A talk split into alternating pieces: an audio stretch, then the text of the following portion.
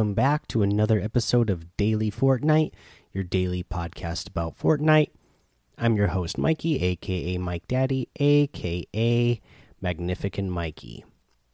All right, so uh, another thing from this week's update that uh, I haven't mentioned yet, uh, that I've seen a couple people mention now, and maybe my eyes just aren't good enough to catch it, or maybe I'm colorblind. I don't know, but I've seen a few people talking about how the uh, color saturation seems to be turned up and that the colors are a little bit uh, more saturated, a little bit brighter than they were before. I don't know if that's something uh, more of you have noticed, but I have seen a few uh, content creators and people in our uh, own Discord uh, mention that that's something that they noticed.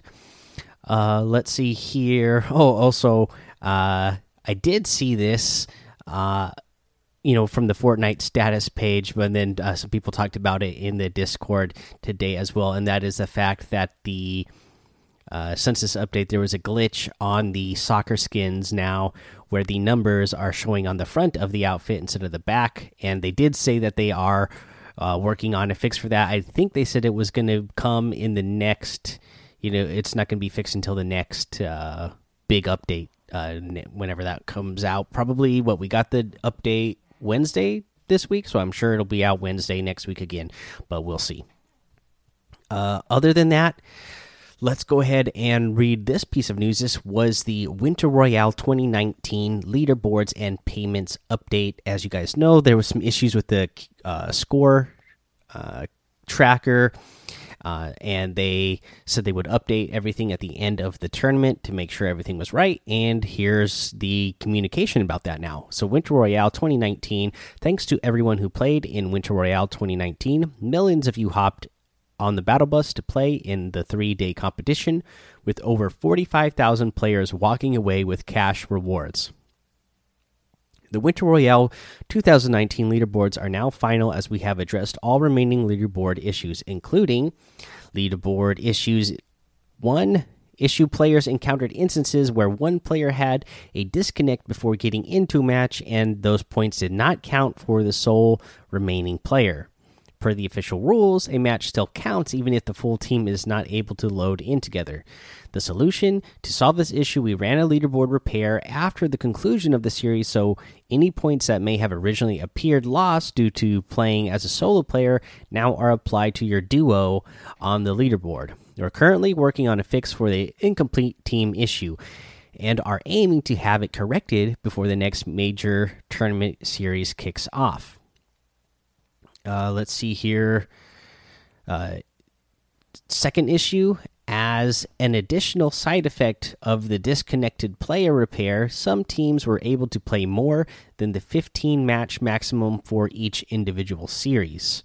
Solution When the when this was discovered, we had to wipe the leaderboards completely and proceed with an additional full repair, which resulted in any matches played over the 15 matches limit in a single series being invalid.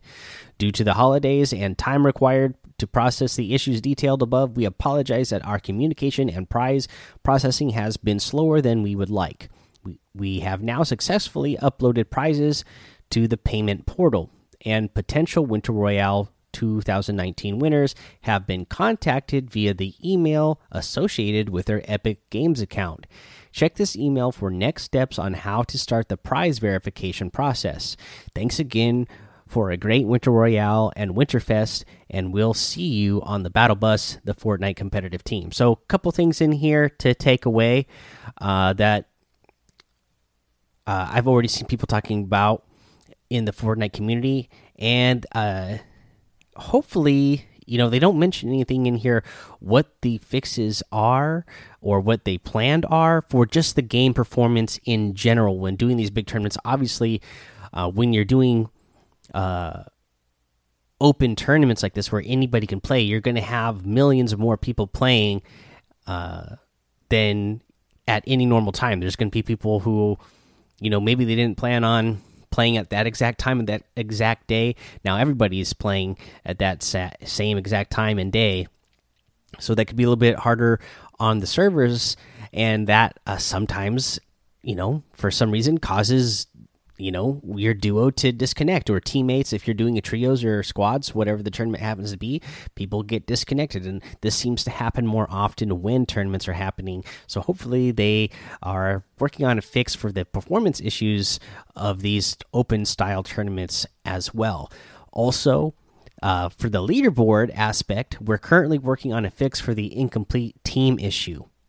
And now if you read that and, and then read this next part after the uh, comment here and are aiming to have it corrected before the next major tournament series kicks off. So,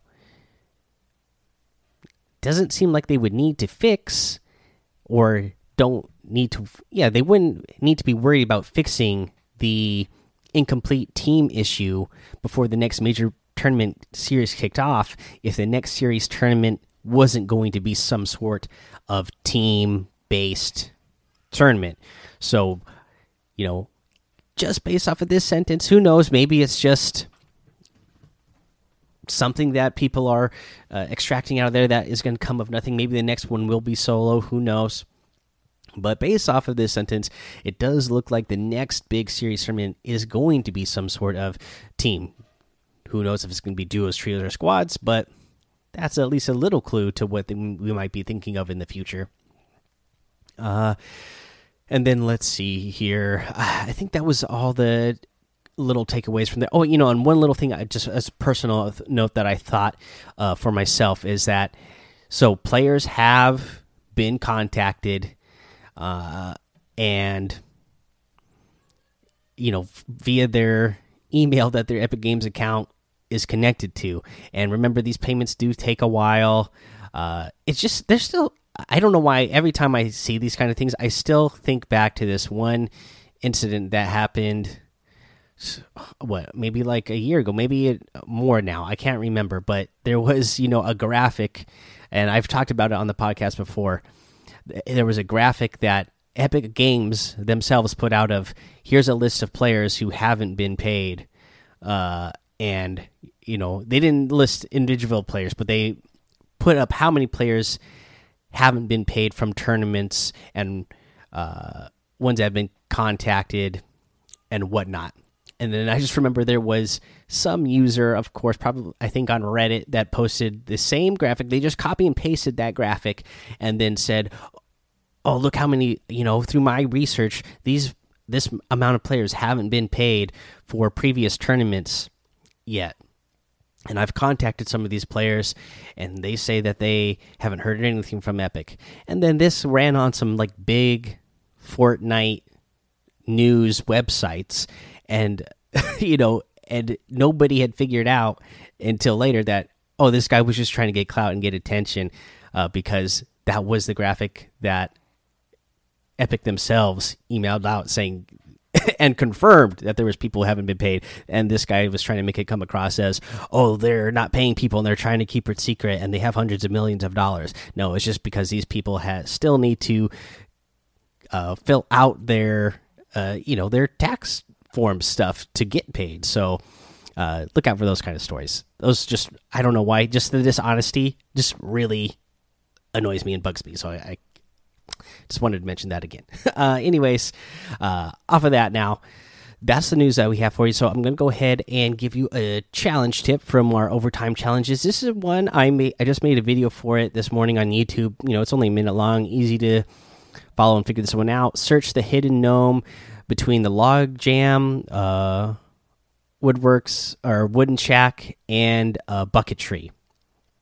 Now, this gnome is in B6. It's south of the uh, the the log jam site, and if you just go straight south from there, you'll hit a you'll you'll, you'll hit the swamp.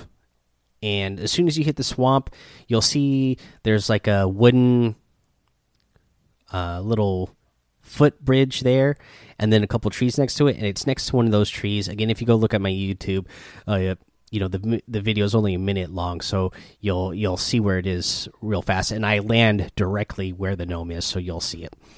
Uh, but yeah, it's in B6 in that area. All right, let's go ahead. We'll take a break here. We'll come back. We'll go over that item shop and our tip of the day. All right, let's go over today's item shop. Of course, we still have the Icon Series Ninja set in here. So you have the Ninja outfit that comes with the Ninja's Edge back bling for 1500 V bucks. And again, you get the four selectable styles default, mask on, raven, and reactive. Uh, those are all really good versions of this outfit. It's just a great looking outfit uh, that they did, uh, you know, for Ninja. I mean, again, I'm still very impressed on how good this outfit looks, you know.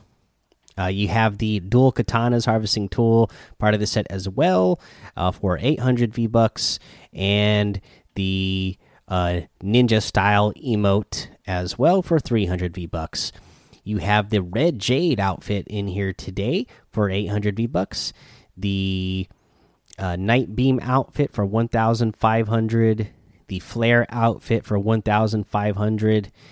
The splintered light harvesting tool for 800 the Mega Bat Glider, which I again I really like for 800, the Vivid Axe Harvesting Tool for 500.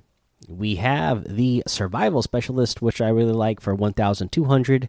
The Trench Raider, which uh, is another one that I really like for 1,200. The Sunsprout Back Bling for 200. The Fandangle emote for 500, one of my favorites, just a silly one.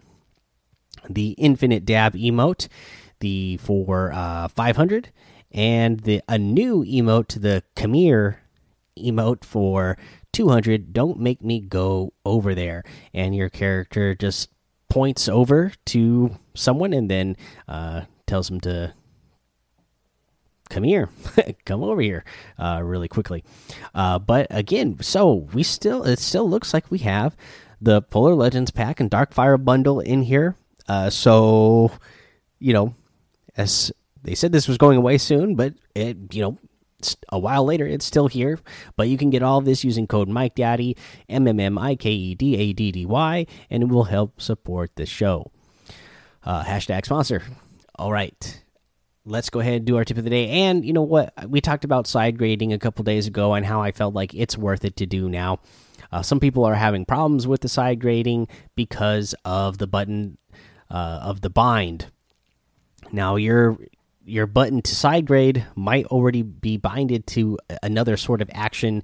You might it might be built to some sort of you know uh, be binded to some sort of build or something, and that will mess you up. So you have to change your keybind. So this is just a little uh, trick to update you if you're having problems with that then change your keybinds. All right, guys, that's the end of the episode today. So go join the daily Fortnite Discord and hang out with us. Follow me over on Twitch and YouTube, Mike Daddy on all of those, and Twitter as well.